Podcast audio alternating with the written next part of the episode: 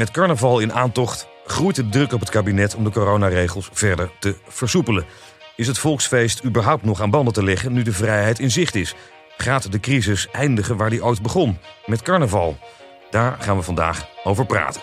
En we gaan ook even bellen met VVD-Kamerlid Thierry Aartsen, tevens bekend als carnavalsvriend van voormalig fractievoorzitter Klaas Dijkhoff uit Breda.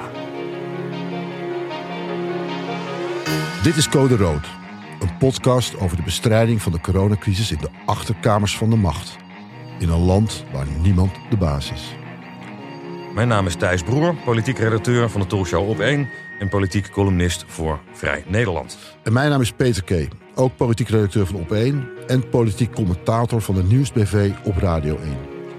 Samen hebben we net het boek Code Rood, het verhaal achter het coronabeleid, geschreven dat nu in de winkels ligt. Waarvoor we alle hoofdpersonen in de coronacrisis hebben gesproken.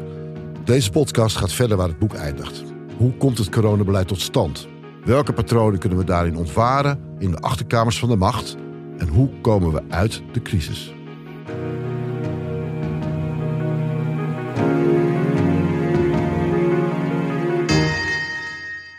Zeg Peter, ben jij zelf ooit naar carnaval geweest? Zeker. In mijn studententijd uh, had ik veel vrienden uit Eindhoven.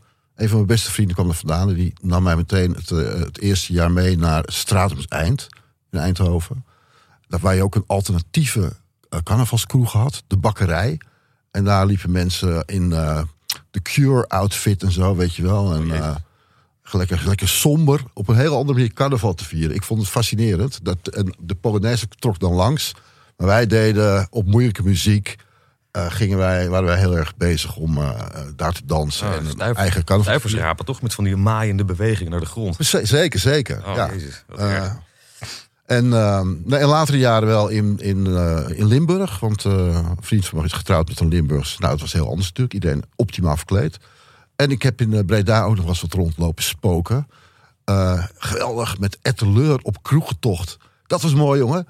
Wat ze dan deden, gingen ze de, de, de, was de optocht van Breda. En dan ging etteleur als dorp, de jongeren van het dorp, 120 man, de lege kroegen af. Want de optocht was bezig.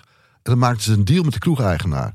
En dan zeiden ze, oké, okay, we komen hier voor een gulden bier drinken. En zei de kroegeigenaar 1 gulden 10. Dan zeiden ze, nou 1 gulden 5. En dan kwam je daarop uit. En dan had je voor een spotprijs, werd je knetter dronken.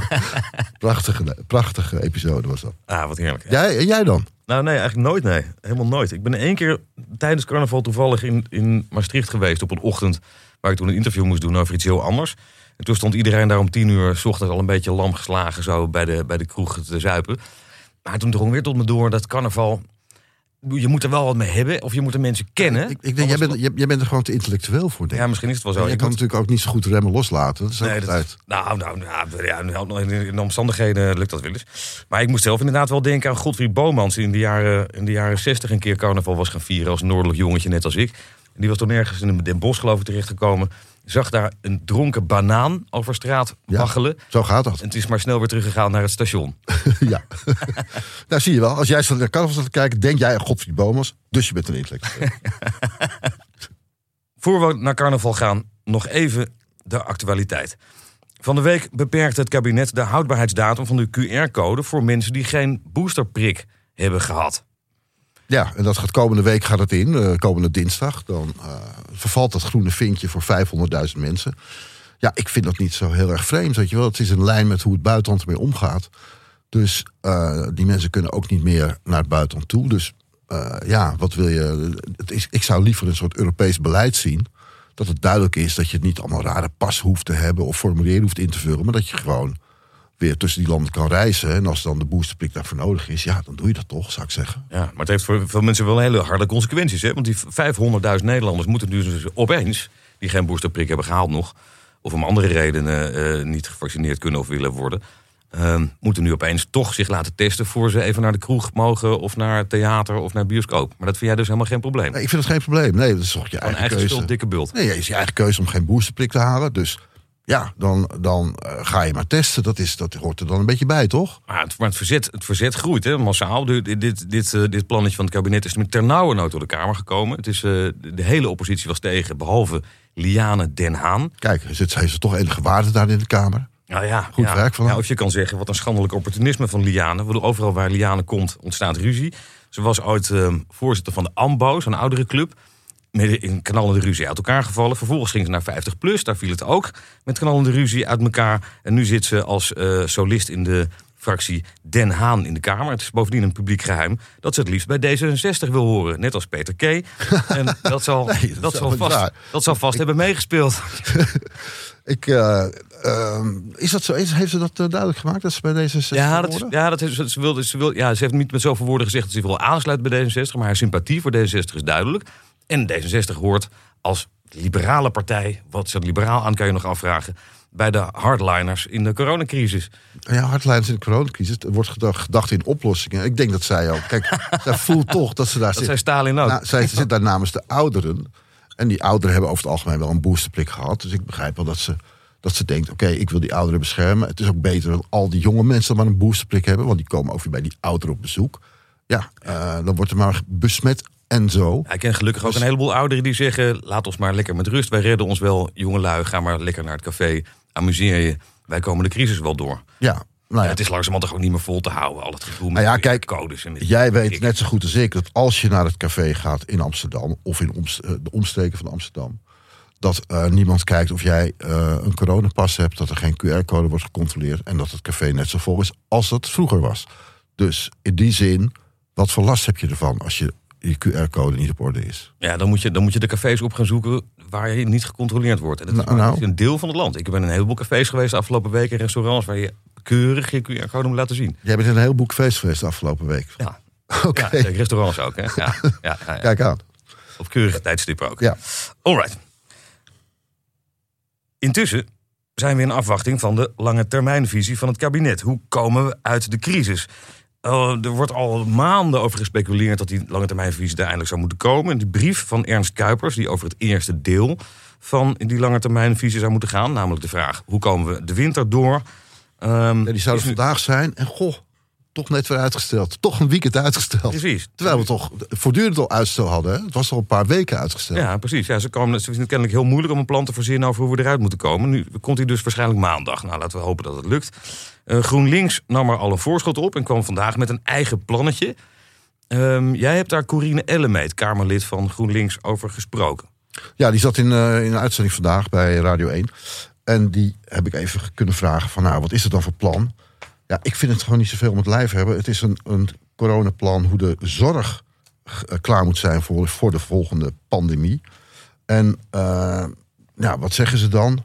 Het eh, inzet op de preventie. Crisiszorg slimmer organiseren.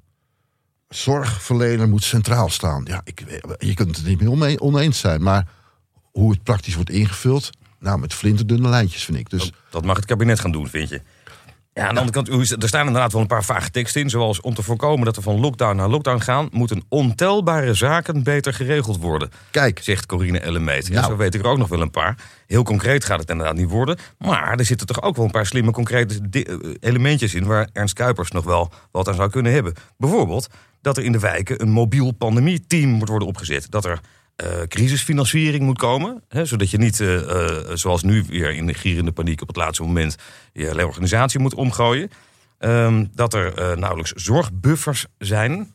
Dat een crisisbudget moet komen om de, om de crisis door te komen, mocht het weer een keer gebeuren. Dat er een slimme samenwerking moet komen. Dat je de crisiszorg moet concentreren in een aantal ziekenhuizen. Wat nu telkens niet lukte. Waar wel heel, heel veel uitvoerig over gepraat ja, maar wat wel een speerpunt is van Kuipers... dat je weet dat hij, dat hij zoveel mogelijk zorg wil concentreren in ziekenhuizen. Ja, ik, kijk, ik vind het niet zo ontzettend interessant... omdat ik, ik heb het, had de kans om eraan te vragen... en ik vroeg me eigenlijk af... heb je dan ook een breder plan voor de samenleving... Want dat is eigenlijk waar we op zitten te wachten, toch? Het lange termijn plan voor de samenleving, zodat we door kunnen, zodat de horeca door kan op langere termijn. Zodat de cultuur, niet een onbelangrijk deel voor, voor, ook voor GroenLinks, eh, zodat die ook zou door kunnen gaan.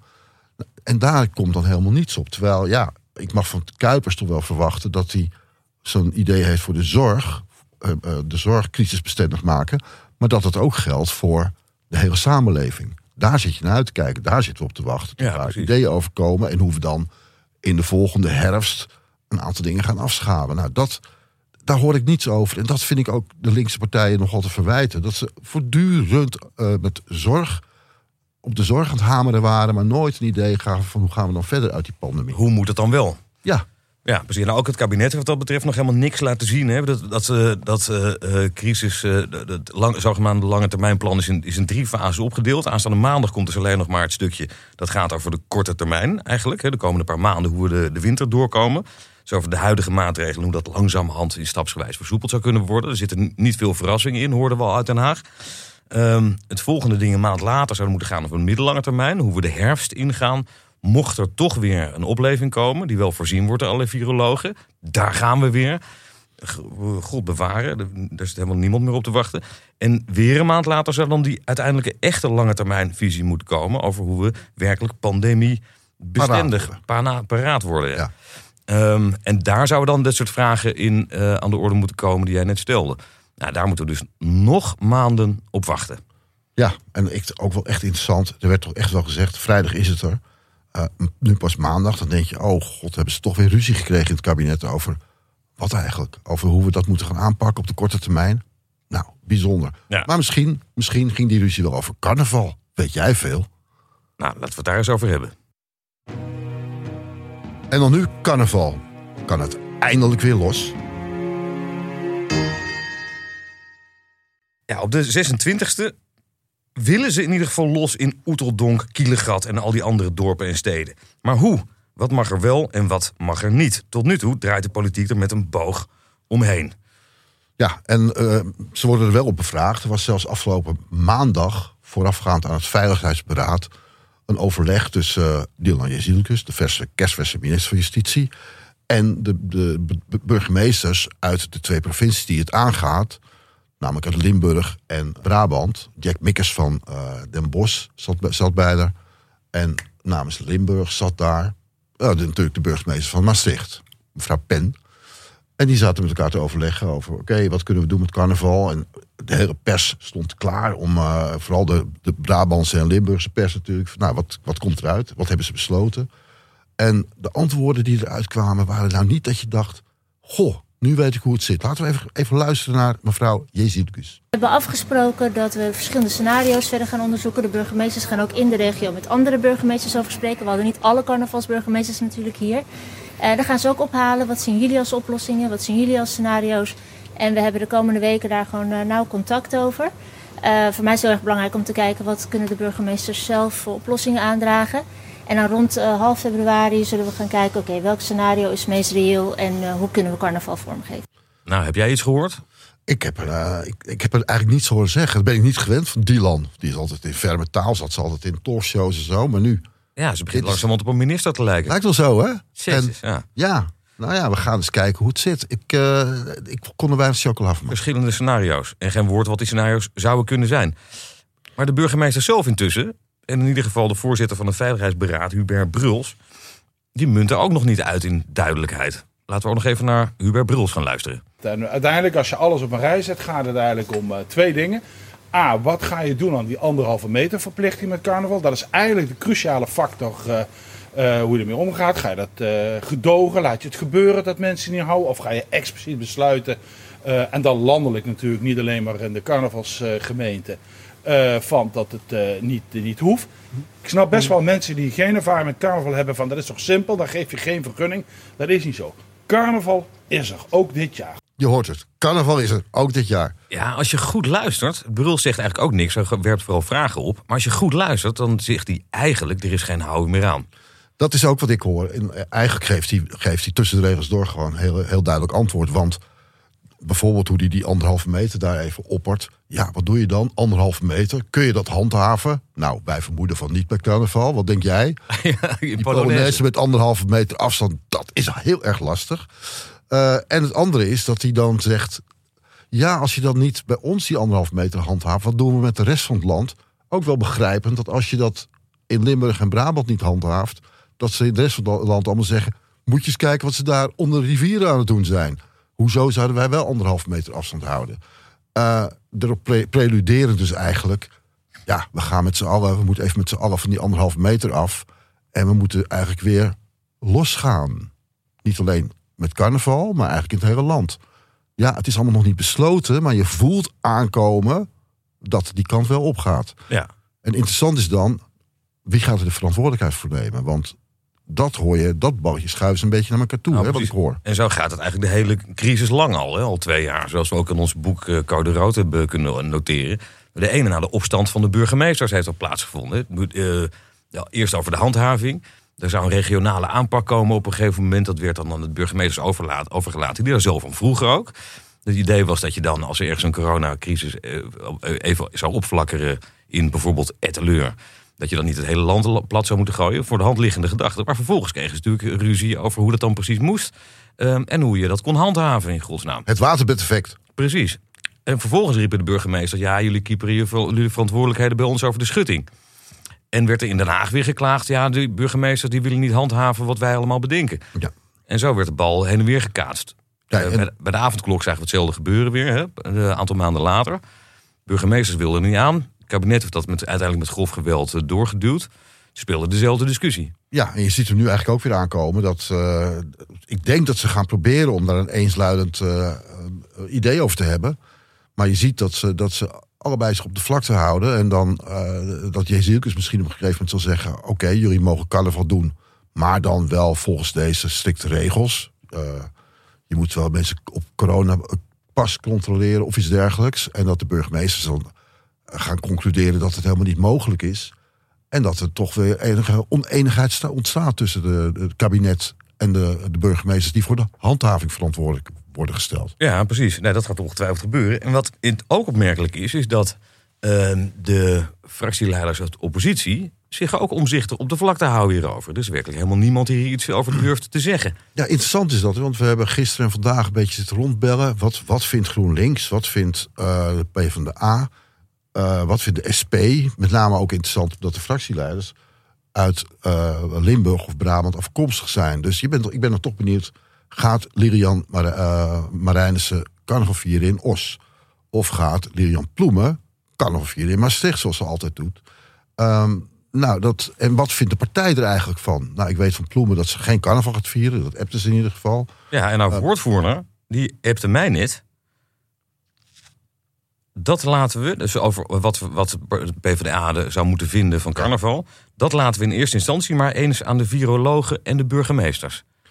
Ja. Dat klinkt niet zo heel erg dapper. Nee, hè, dat is gewoon het, het weglopen voor een standpunt, denk ik dan. Want ja, als je daar een standpunt over inneemt, dan zou het wel eens kunnen zijn dat je 2, 3, 4 miljoen Brabanders en Limburgers woedend maakt. En je stem, de stem voor de gemeenteraadsverkiezingen kwijtraakt. Ja, dan stemt er helemaal niet meer, niemand meer op de PvdA. Dat zou toch terug zijn. Maar de SP, die zich meestal nog wat kraniger durft uit te drukken... die reageerde uiteindelijk ook, uiteindelijk ook helemaal niet. Dus we weten nog steeds niet of eh Liliane vanzelfsprekend- Marijnissen wel naar Os gaat. Nee, en vanzelfsprekend heb ik mevrouw Elmeter weer naar gevraagd. Want die kwam ik toch tegen vandaag. Ja.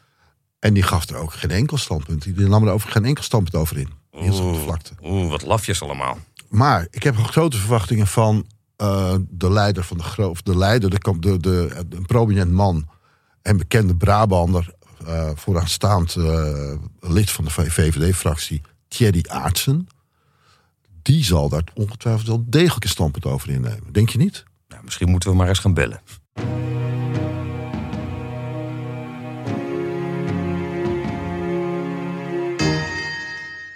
Voor we verder gaan. Ben je aan het luisteren en komt er een prangende vraag in je op? Is er een onderwerp dat we absoluut moeten bespreken? Of heb je een spannend document gevonden in de trein dat je absoluut met ons wil delen? Op vriendvandeshow.nl slash code rood kan je berichten voor ons achterlaten. Je kan er ook vriend van onze show worden. Dan ontvang je altijd als eerste een update als er een nieuwe aflevering klaar staat. Even bellen met Thierry Aartsen. Sinds 2018 is hij Tweede Kamerlid voor de VVD. Hij is een jeugdvriend uit Breda van toenmalig fractievoorzitter Klaas Dijkhoff... die hem bij de fractie heeft gehaald. En als beginnend Kamerlid kreeg hij meteen de hele linkse grachtengordel op de kast... door te roepen dat een bloemencorso ook kunst is. Iedereen boos in de grachtengordel, want daar zijn ze natuurlijk van het Holland Festival. Maar hij doorstond het hoongelach en inmiddels is hij zelfs een reizende ster in de fractie... onder andere als campagneleider voor de gemeenteraadsverkiezingen. En als boezemvriend van Dijkhoff stort hij zich ieder jaar in carnaval. Telkens met heerlijke nieuwe outfits. Als Bassie van Bassie en Adriaan of gehuld in safaripak, compleet met tropenhelm. In 2018 gingen ze als Russische sporters met bontmutsen op. Net op dat moment kwam fractieleider Halbe Zijlstra in de penarie... omdat hij beweerd had dat hij met Poetin in een datsje had gezeten. En de belangrijkste vraag is nog: hoe vindt Thierry Aartsen dat carnaval gevierd moet gaan worden? Mogen de remmen eindelijk weer los? Met Thierry Aartsen. Hey, hallo Thierry, met Peter K. En Thijs Broer, We willen even met jou praten over, eh, over het komende carnaval. Want eh, het staat voor de deur en wij, zijn, ja, wij weten nog niet zo goed hoe- of het, of het doorgaat, wat er precies gaat gebeuren. Dus ehm, ja, wat denk je eigenlijk? Gaat er iets gebeuren? Ja, dat is ook voor, eh, voor mij en voor heel veel Zuiderlingen nog heel spannend. Wat er, gaat gebeuren, wat er in ieder geval gaat gebeuren. Ik Oké. denk dat, dat, eh, dat, kijk, ik zeg altijd, het is lastig te begrijpen voor mensen boven de rivieren, maar eh, carnaval gaat eigenlijk altijd door. Dat is een beetje vergelijkbaar met, met Pasen of met Kerstmis, zeg maar. Dat, dat kun je niet afschaffen. Oké, Je kunt natuurlijk wel, vorig jaar hebben we natuurlijk wel heel veel feesten die niet door zijn gegaan, of de optochten die niet doorgaan. Maar dat gevoel van carnaval, omdat er iets gebeurt en een samen zijn is, die, die kans is natuurlijk heel groot. Ja. en heb je, Thierry, heb je zelf eh, al een nieuw kostuum eh klaarhangen voor, voor carnaval? Nee, nog niet. Nee, maar dat komt ook omdat het echt nog li- waarschijnlijk last minute wordt wat er allemaal kan en wat er allemaal mag. Maar ik heb gelukkig wel een grote garderobe met allemaal eh carnavalsjassen en artikelen, zeg maar. Dus ik hoef me over de outfit meestal geen zorgen te maken. gelukkig heb je die Russische pakken nog. Die kun je zo weer uit de kast trekken natuurlijk. Dat was vorige keer ook een groot succes. Uh, het- vorige keer zaten ze al vrij strak bij mij, dus ik weet niet of, of dat dit keer nog past. eh. Qua timing was het heel handig toen.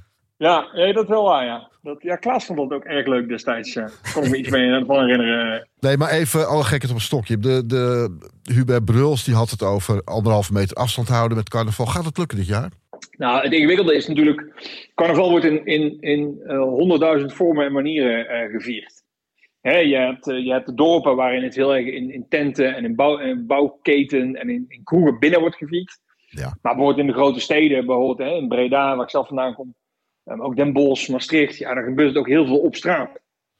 En in Bergen op Zoom heb je dat je het, het, het, het traditionele dweilen, zoals ze dat dan noemen, hè, van kroeg naar kroeg, eh, met achter een blaaskapel aan. Ja. Dus heel veel gebeurt ook buiten.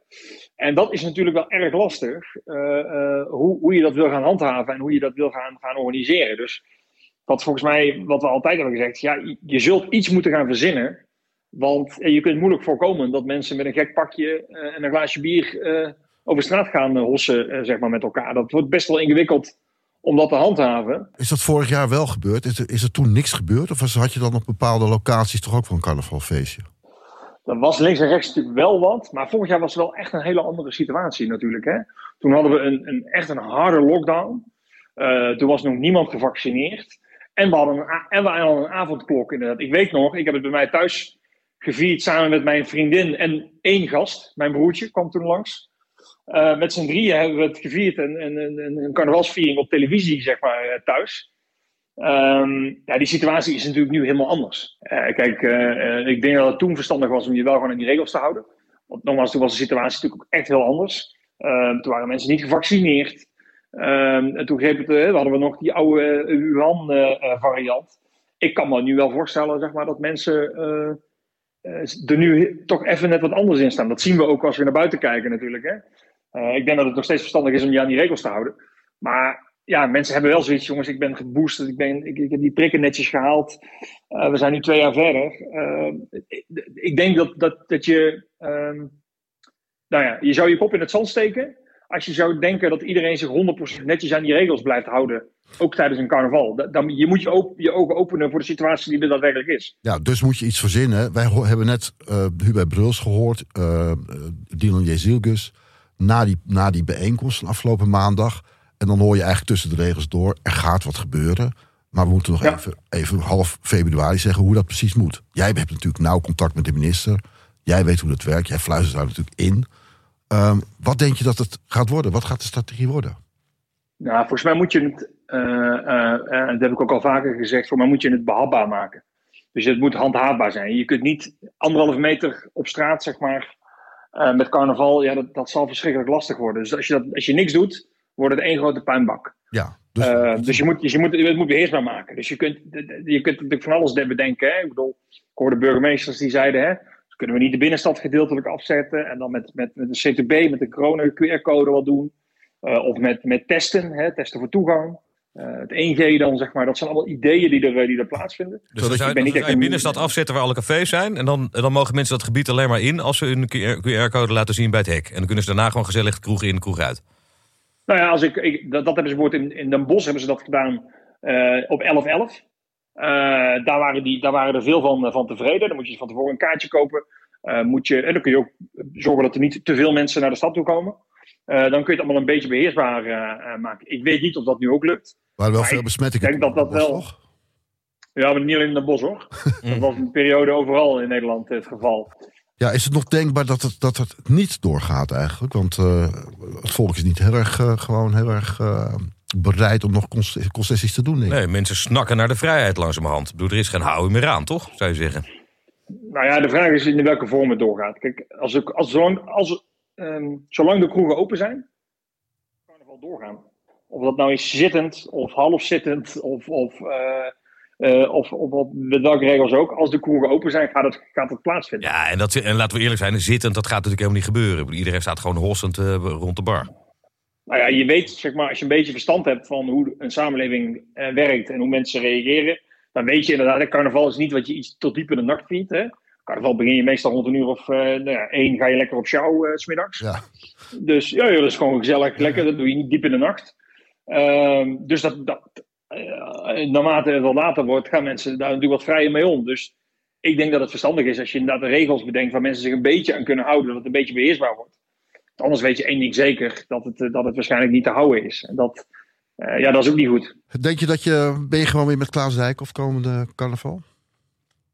Ja, dat weten we dus niet. Dat weten we dus niet. Eh, ik, ik heb wel eh, de, de carnavalslunches, zeg maar, heb ik al wel in mijn agenda's eh, gezet. Ja. Maar wat daar omheen georganiseerd gaat worden, dat, dat wordt nog even spannend. Maar Maar jullie kunnen in ieder geval met z'n vieren op stap, toch? Dan reserveer je gewoon zo'n plekje. Ga je zitten in de kroeg in Breda aankijken. Ja. blijft duren dan. Eh, precies, dus je kunt in ieder geval, eh, kunnen we in ieder geval eh, bij een carnavalslunch of inderdaad, in ieder geval de zitplekken zijn in ieder geval al beschikbaar. Ja. Precies. Nou, dan kan je braaf Dat, beginnen. en dan zien we daarna wat er gaat gebeuren. Nou ja, wat je vooral hoopt is dat het allemaal een beetje op een beheersbare manier kan gebeuren. Volgens mij is dat ook. Hè, jullie hebben een prachtig boek geschreven over de ontwikkeling van het coronabeleid. En ik denk dat we hebben het genot gelezen, moet ik eerlijk zeggen. Dat fijn. Goed dat we horen. Volgens mij, precies. En volgens mij is daar ook wel een van de lessen uit. Is dat, je, dat het continu ook dansen met dat virus is. En, en eh, dat geldt hier dus ook voor. Eh, ja, je kunt wel eh, regels verzinnen, maar als de samenleving zich daar niet aan houdt. Of zegt dat dat werkt niet, ja, dan, dan, dan heeft het ook geen effect. Dus je moet volgens mij vooral nu kijken. Hoe kun je het zo organiseren dat het vooral op een veilige en beheersbare manier plaatsvindt? Ja, nou, ja, maar dansen met het virus. Eén ander lijntje in het boek is ook wel. Er gaat nooit iemand staan voor een beslissing. De beslissingen worden te laat genomen. En hak een knoop door. Dat, dat gebeurt ook te weinig. En Ja, maar jullie boek begint met een prachtige zin die hier in het zuiden, eh, waar nog steeds ook gekniffeld wordt.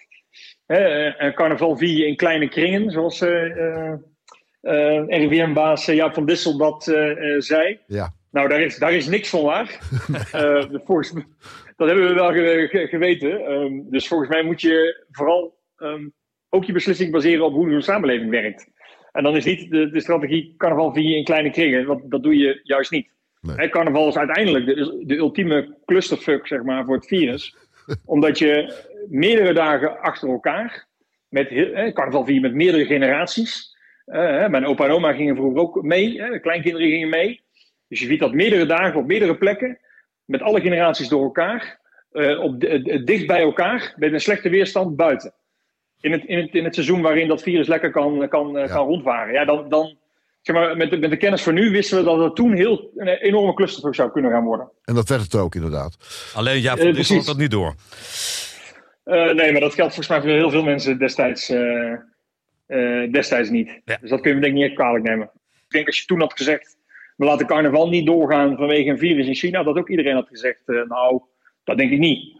Zeg maar, dat het toch ook, dat er ook weinig draagvlak eh, voor was in de samenleving. Ja, dan was het een volksopstand geworden dus. Ik denk dat daar weinig draagvlak voor was geweest, Oh, dat eh, eh, inderdaad. Precies. Thierry, dankjewel voor dit, eh, dit gesprek. En eh, En we zijn heel erg benieuwd naar je outfit. En hoe lang jullie... Ja, ik ben vooral benieuwd, eh, eh, precies, ik ben vooral benieuwd wat, eh, wat er mag en of, eh of een stoelenpolonaise wordt of misschien toch eh, beheersbaar een, eh, een andere polonaise. Ja.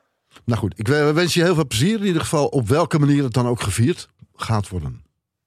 Dankjewel. Thierry, dankjewel. Dankjewel. Dag. Goed Thijs, wat hebben we nu gehoord? Wat concludeer jij uit de woorden van eh, Thierry? Nou, Aartsen. je, je, je merkt dat Thierry Aartsen eh, wel een politicus is en zich een beetje voorzichtig probeert uit te drukken. Daar zijn er tot vijf keer toe gezegd dat het, natuurlijk, dat het eh, op een veilige en verantwoorde manier moet gebeuren. Maar eigenlijk geeft hij ook wel toe dat je zittend in een café, dat dat natuurlijk helemaal niet gaat lukken. En dat je al die hossende mensen op straat, dat dat niet te handhaven is. En die anderhalve meter eigenlijk ook nergens op slaat. Ja. Als je goed naar hem luistert, kan je eigenlijk niet anders concluderen dan dat de remmen gewoon losgaan. En we daar maar beter ons op in kunnen stellen. Als je goed naar hem luistert kun je toch niet anders concluderen... dan dat hij stiekem zijn pakje al heeft uitgezocht en besteld. Maar dat hij dan nog niet aan ons wilde verklappen wat het was. Dat denk ik ook. Maar dus de, de, ja, je hoort gewoon dat hij helemaal bezig is met het carnaval. En je hoort eigenlijk ook erin door dat er gewoon niet echt meer een weg terug is. Want, dat hoorde ik hem wel een paar keer zeggen...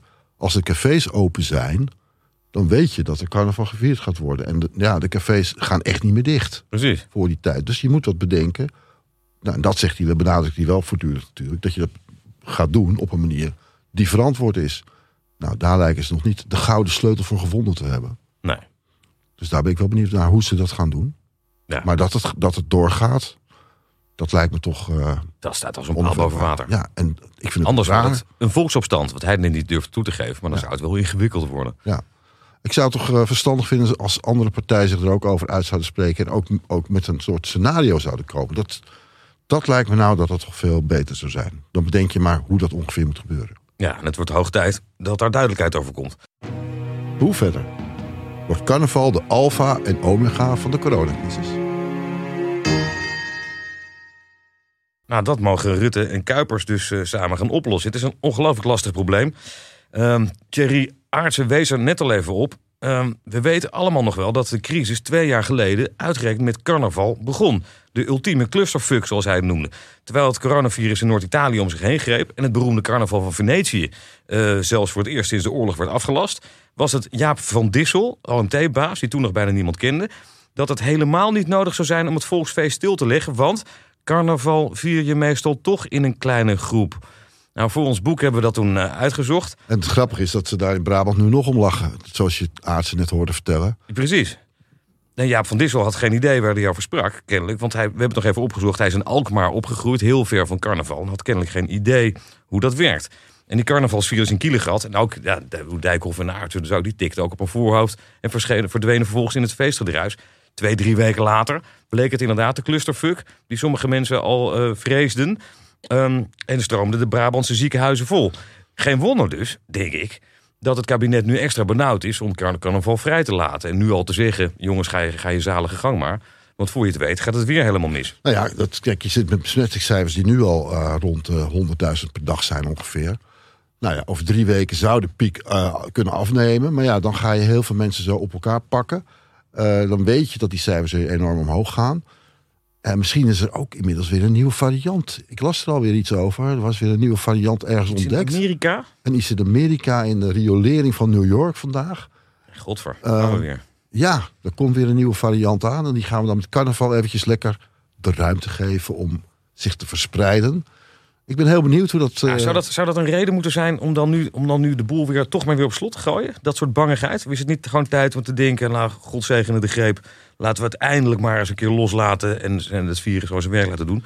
De, de, dat, dat, de, die, omega, die Omicron-variant is veel, vele malen onschuldig. Zoals het nu uitziet, de IC's stromen nog steeds geleidelijk leeg. Besmettingen groeien enorm. IC's stromen leeg. Is het niet tijd om gewoon een keer te kappen met al die regels? Nou ja, je zou denken dat dat zo is. In, de, in Denemarken gaat het goed. In uh, Groot-Brittannië gaat het vrij goed. Ik begreep nu ook dat de, cijfers in België aan het dalen zijn. Dat ze daar ook over de Omicron-variant heen zijn. Zonder dat ze die zware lockdown van ons hebben gehad. Dus uh, ja, je zou zeggen, laat het, laat het gaan. Geef de mensen de vrijheid terug. Maar goed, je weet niet wat voor, wat voor bedreigingen op ons afkomen. En hoe zwaar de ziekenhuizen weer belast gaan worden. Het is een ironische gegeven eigenlijk. De coronacrisis begon dus twee jaar geleden met carnaval en zou er ook mee kunnen eindigen. Nou ja, je, zou, het carnaval zou het bevrijdingsfeest kunnen zijn uh, uit deze coronacrisis. En dat, dat alles, dat de teugels worden losgelaten. Want ja, als je daar anderhalf meter niet meer handhaaft, waarom zou je het in de rest van het land wel doen? Dus kun je beter een eenduidige beslissing nemen. Uh, voor Rutte en Kuipers zal het een enorm ingewikkeld punt zijn. Want, uh, nou ja, zoals je weet, heeft het kabinet niet de doorzettingsmacht om eenzijdige maatregelen op te leggen in dat land. Waar wij zo vaak van zeggen, dat land waar niemand de baas is. Ja, en dat geldt voor tal van andere onderwerpen dan de coronacrisis, die we de komende weken in deze podcast willen gaan uitdiepen in de achterkamers van de macht. Zoals stikstof, het klimaat, het chronische gras, de toeslagenaffaire, de bestuurscultuur, onderwijs, de ongelijkheid en, niet in de laatste plaats, de volkshuisvesting, waar niemand anders voor verantwoordelijk is nu dan Hugo de Jonge, die we nog kennen uit de coronacrisis. Ja, we willen heel graag eens even kijken hoe lekker hij zich uh, aan het profileren is in de, in de woningbouw. Ik zie wel eens het voorbij komen dat hij wel af en toe een werkbezoekje aflegt. Elke dag ongeveer staat hij op laarsjes ergens in de modder. Ik te zeggen, wat een prachtig nieuwbouwproject is dit. Waarom? Hij wil voeling houden met het veld. Hij wil weten wat er speelt. Nou, dat is toch een hele mooie, mooie stap van hem. En ja, wat de coronacrisis wordt... Um, wat denk je? Wordt het doormodderen totdat de zon weer gaat schijnen? Of uh, komen we er eerder uit? Ja, tot even na carnaval ben ik bang zal het nog wel even duren. Maar laten we in ieder geval hopen dat carnaval uh, voor veel mensen een bevrijdingsfeest wordt. Ga jij overigens zelf nog carnaval vieren dit jaar? Het hangt er heel erg vanaf of de Amsterdamse horeca tot uh, tien uur gesloten blijft.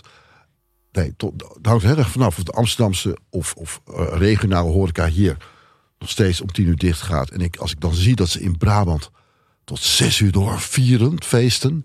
Nou, dan zou het kunnen zijn dat ik daar toch wel een avondje ga kijken. Nou, misschien ga ik wel met je mee.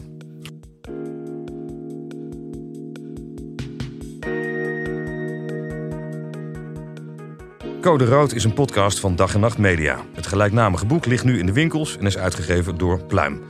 Podcastredactie door Esther Krabbedam en Tom Aalmoes. Edit door Tom Aalmoes. Muziek door Lucas de Gier. Je kunt reageren op deze aflevering of vragen stellen op vriendvandeshow.nl slash code rood.